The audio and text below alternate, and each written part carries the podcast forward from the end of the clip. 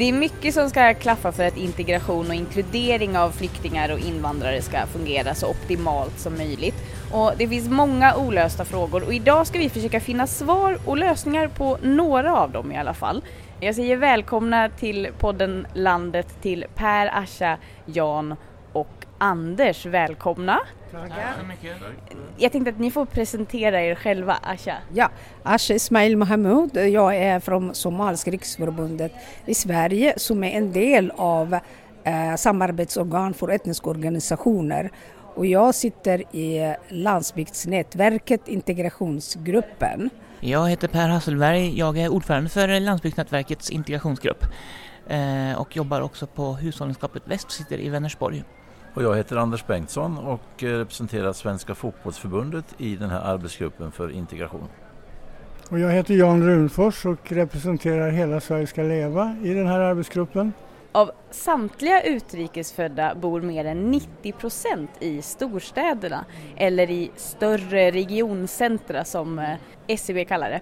Idag ska vi grotta ner oss i det här hur vi kan få invandrare och flyktingar att stanna i våra bygder. Vad är det som behövs för att vi ska få dem att stanna hos oss? Vi i länsbygderåden som utpräglar landsbygdsorganisationer måste samarbeta med städerna där just de här grupperna finns. Och i landsbygdsnätverket har till exempel Asha och jag haft eh, seminarier på Järvafältet vid två tillfällen där vi informerat om landsbygdens möjligheter och länsbygderåd som har kommit och berättat att man vill ha inflyttning. Vi måste börja titta hur vi jobbar också för att liksom få till det här. Och en del som vi gör just nu det kan vara med fotbollsförbundet, det kan vara med Röda Korset, ett byalag jobbar kring ett asylboende för att göra olika sysselsättningar åt välkomnande så att man känner att den här bygden är kanske inte så dum att vara i. Så ett, en sak är att jobba mot flyktingboendena och en annan sak är att åka till städerna och berätta Hej! Jag bor i en jättebra det bygd. Del, det kan vara en del, ja. Det kan vara absolut vara en del. Och det har vi prövat på i Göteborg och i, i, eh, i Stockholm. Ja. Men, Hur har det fungerat då? Ja, men, eh, men jag tycker faktiskt att om man tänker på 90-talet när eh, den här första Eh, flyktingar, somalier och före detta Jugoslavien kom till Sverige så det var inte lika mycket som man pratade om eh, landsbygden. Men eh, jag tycker idag faktiskt att det är fantastiskt att det är många ställen. Man är placerat många olika delar av landsbygden och det handlar om nu att ja, hur gör vi att människorna trivs och att de stannar? Och det handlar om arbete, boende och, och, och, det här är det som är viktigt. Gör vi så här att människorna eh, får arbete, att äh, människorna får skolor eh, för barnen, eh, att man har eh, boende och hur, hur gör vi det här? Alltså vi Eh, på landsbygdsnätverket, eh, integrationsgruppen, vi har en stöd för etniska organisationer och det handlar om att vi, det är pilotprojekt så man eh, väljer tre områden alltså, och där man kan nå invandrare, flyktingarna och informerar också hur är viktigt att man organiserar sig i Sverige och genom det att man får också samhällets information, vad jag ska vända mig till och där också på eget språk kanske eftersom eh, det, är mycket kompetens i de här etniska organisationerna som kan eh, tillföra mycket. Ja, så vi, vi kan gå via de etniska organisationerna för att nå ut med vår information? Ja, inte Eller? bara etniska organisationer men det kan vara kommunen inblandat, det är eh, Hela Sverige ska leva, lokala eh, utvecklingsgrupper, Leadergruppen, alltså tillsammans att vi når nyanlända eller de som har varit tidigare.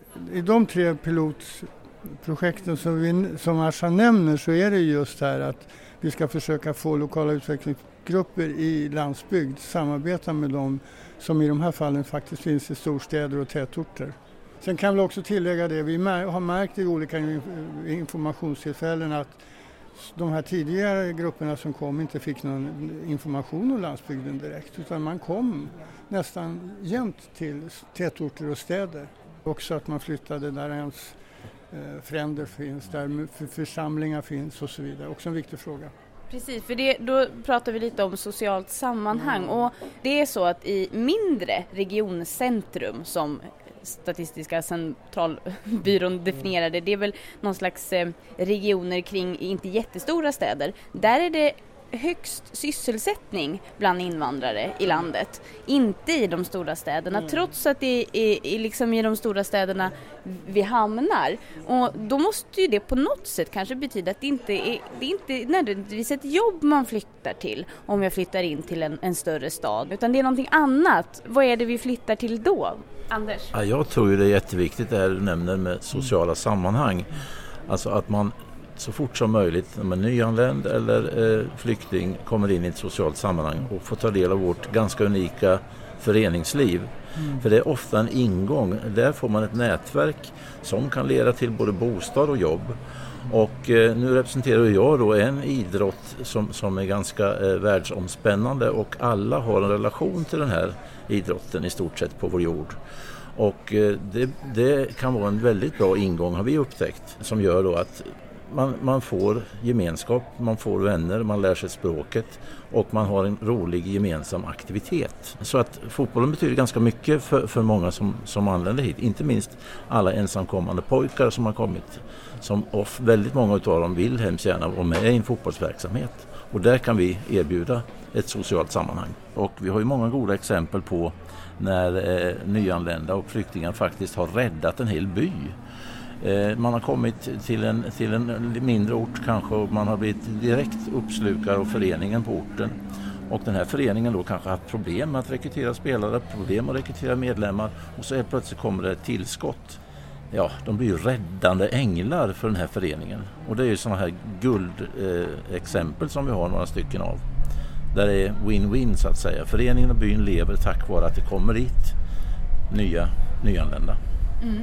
Och du pratar också om att vi startar på något sätt i det sociala sammanhanget då, och att det är det som ger jobb och, och bostäder. Hur, förklara.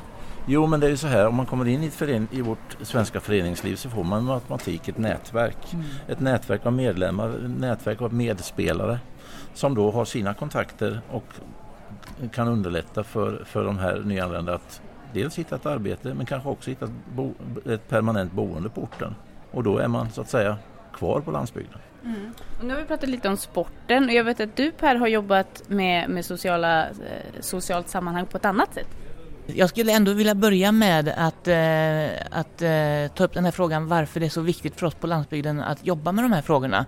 Eh, och eh, vi är ju på landsbygdsriksdagen här just nu och spelar in det här programmet och eh, här pratar vi mycket om att det finns en hel del olika saker i vårt samhälle som lite grann fäller krokben för, för landsbygden. Och en sån sak har varit under, under väldigt lång tid nu att städerna har fått del av utrikesföddas kunskaper, erfarenheter och intressen och entreprenörskap under lång tid. De har utvecklat väldigt mycket av företagande, väldigt mycket av produktion av tjänster eh, som vi inte har någon tillgång till på landsbygden. Och det där är ett problem. Så ska vi ha en, en landsbygdsutveckling i Sverige även i framtiden så måste vi också få del av de utrikesföddas kunskaper och intressen. Eh, och det är därför vi jobbar med de här frågorna. Alltså det finns många dimensioner i integrationsfrågan. Det finns ju såklart ett, en, en aspekt att vi ska vara välkomnande och ta hand om människor som kommer hit. Men det är inte det som vi huvudsakligen har eh, när vi jobbar i den här gruppen. Utan vårt syfte är faktiskt landsbygdsutveckling, att tillvarata de här kunskaperna som vi så väl behöver. Och vi behöver ju också en växande befolkning. Vi behöver fler eh, personer som handlar i våra landshandlare så att de kan hålla öppet. Vi behöver fler barn till våra landsbygdsskolor. Stänger de så flyttar andra familjer därifrån. Det här är en möjlighet för den svenska landsbygden. Precis, jag håller med Per. Alltså det är, om vi ska ha en hållbar utveckling på landsbygden, eh, vi måste vara flera och, och, och, och delta det här. Och utrikesfödda är en av de här grupperna som eh, deltar och att eh, bygga i Sverige att det ska vara en hållbar utveckling. Och eh, faktiska nätverk vi pratar idag. Jag får inte jobb om jag inte har nätverk. Och det är det här som är lättare när man är med föreningar, när man är med eh, fotbollsföreningar, andra eh, föreningar som man bygger det här nätverket.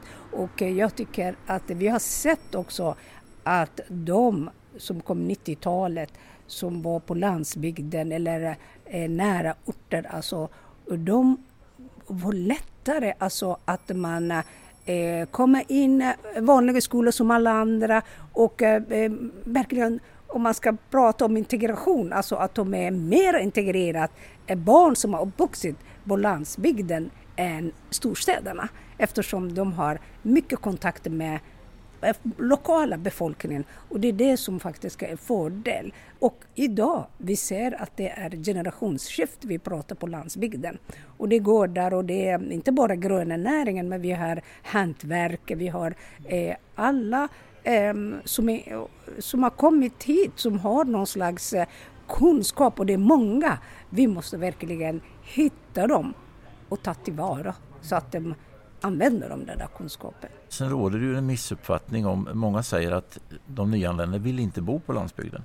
Jag tror det är helt fel. Jan var inne på det inledningsvis här att eh, många av de som kommer hit kommer från ren landsbygd. För dem är det naturligt att komma till vår landsbygd.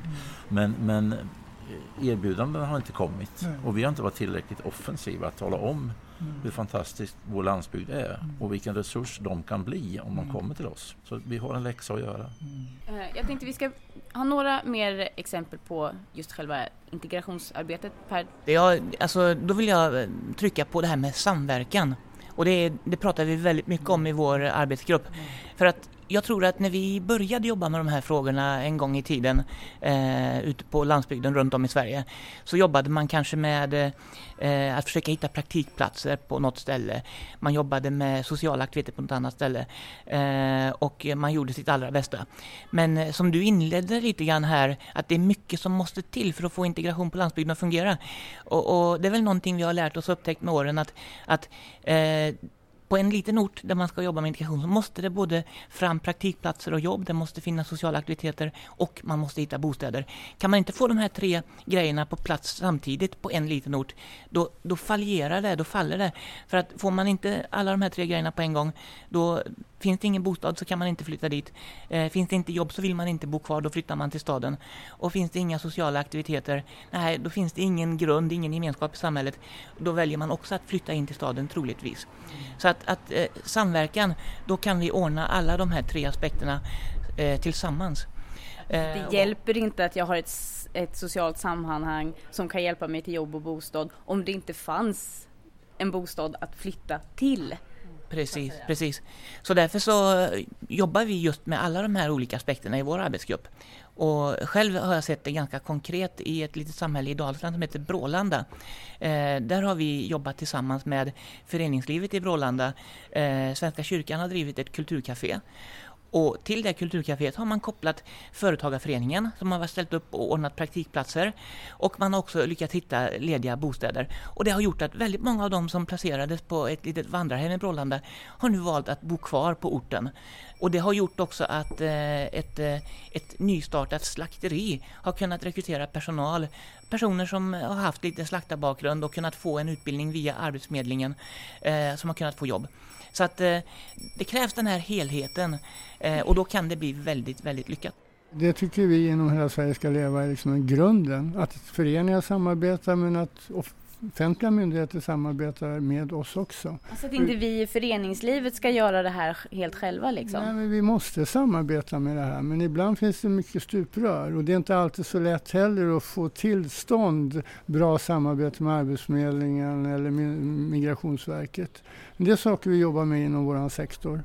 Men vad jag skulle säga är också att det här med boendefrågan som Per tar upp, det finns alltså länsbygderåd nu som har engagerat eh, lokalbefolkningen för att se vad kan vi bygga tätortsnära på tätortsnära landsbygd och fått med sig Länsstyrelsen och fått med sig kommunerna och på så vis också satt igång processer som till exempel våra eh, politiker på riksnivå nu vill förändra plan och bygglagen för att underlätta byggandet. Här har, här har ju vi en modell som visar att om människor involveras tidigt så kan man faktiskt hitta bostäder. Och alla landsbygder vill ha flera boende. Jag kan ta Stockholms skärgård som exempel också. Det går ju inte att köpa en bostad på Stockholms skärgård. Och befolkningen i Stockholms skärgård har ju börjat jobba med både äldreboende i kooperativ form och hyresboende i kooperativ form för att kunna få erbjuda ungdomarna där och andra att kunna bo kvar i Stockholms skärgård också. Så vi har ju flera projekt. Per berättade att vi jobbar med fem kommuner men vi, LRF jobbar också med ett sånt här projekt med sina medlemmar. Så att det pågår mycket arbete lite överallt. Det känns som att det puttrar på ja, på olika håll i landet. Ja. Jo, jag tycker alltså samverkan och flexibilitet skulle jag säga. Alltså samverkan mellan kommunen, Migrationsverket, tekniska organisationen, vet jag. Integration är inte komma med eh, papper och penna och, och, och, tala om för folket vad ska de göra. Men att skapa de här mötesplatserna så att människorna möts.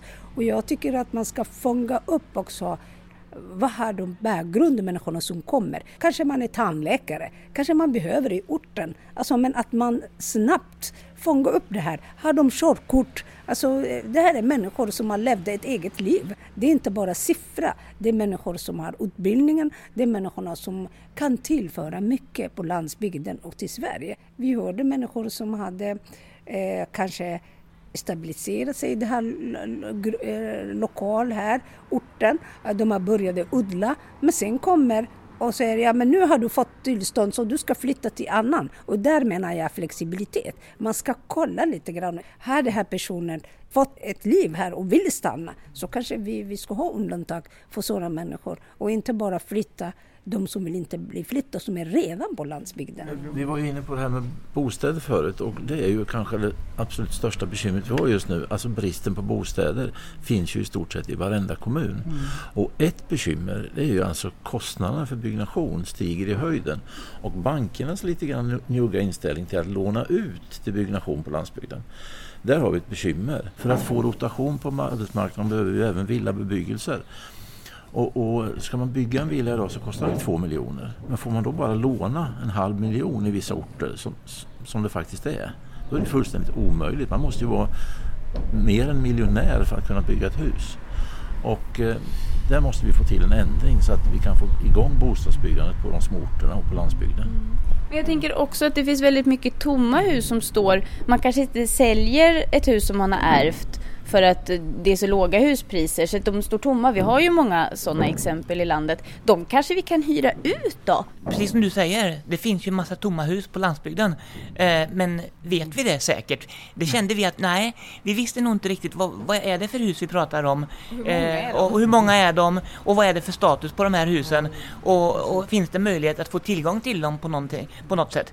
Och, och, den här inventeringen som vi gjorde med, med fem kommuner är inte riktigt eh, färdig ännu. Men eh, den visar ju att det finns bostäder och den visar att det finns möjlighet att få tillgång till dem. Människor skulle vara beredda att hyra ut dem. Men man har lite funderingar. Man är ovan att hyra ut till exempel. Man vet inte hur det går till. Och man känner sig lite osäker. Och man säger då att då vill jag gärna hyra ut till kommunen och få kommunen eh, hyra ut till, till hyresgästen i sin tur. Till exempel. Så att, och lite frågor kring juridiken. Och en annan stor fråga som har kommit upp i alla fem kommunerna det är att det inte finns kollektivtrafik till de här husen som ligger på landsbygden. Då har jag sagt att då måste vi titta på den frågan. Vi måste tala med de eh, företagen som bedriver kollektivtrafiken ute i länen och ställa frågan, finns det något vi kan göra? Kan vi hitta smarta lösningar som inte behöver kosta så mycket men så att vi får tillgång till detta? Och, och, det skulle i så fall bli en win-win situation för att då får även de som bor på landsbygden idag tillgång till mer kollektivtrafik. Eh, och det i sin tur skulle ju också kunna minska kanske motståndet mot att eh, få in fler utrikesfödda i bygden. Eh, för då ser man helt plötsligt vilka vinster det kan bli för bygden. Eh, vi håller på och eh, har ett projekt på gång i Dalarna där man ska skapa en eh, app för samåkning. Och den har kommit den här idén har kommit till just ur, ur det här perspektivet. Och i Bod i um, Kalix kommun berättade en person härifrån länsbyggrådet i Norrbotten att man gör det så enkelt så att man sätter upp en lista på, i lanthandeln där man talar om vilka som åker in till stan. Och sen kan man skriva upp sig och så samåker man med varandra.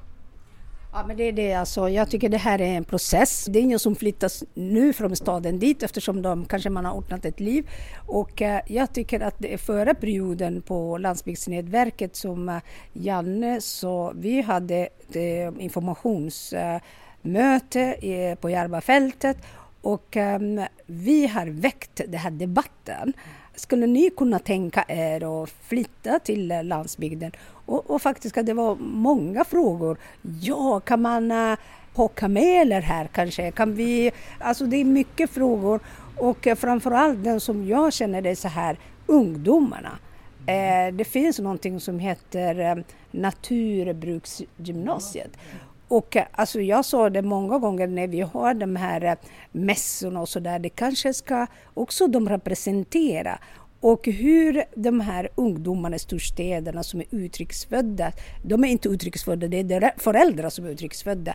Hur vi ska väcka deras intresse att de besöka landsbygden och kanske läsa de här eh, gymnasiet, att de kanske blir intresserade av att bli kvar. Så vi måste eh, börja och jobba eh, på annat sätt. Och, och det här studentbyte, vi kan göra studentbyte till Frankrike. Varför kan vi inte utbyta student från storstäderna till Norrland till exempel? Vi har inte mormor som bor på landsbygden så det är bra att eh, kanske samarbeta med skolor och, och andra. Jag hoppas att vi gå framåt det här information och eh, eh, samverkan mellan stat och ja, landet. Vi får jobba parallellt med de här ja, frågorna. Ja, det där är jätteviktigt det eh, Asha säger.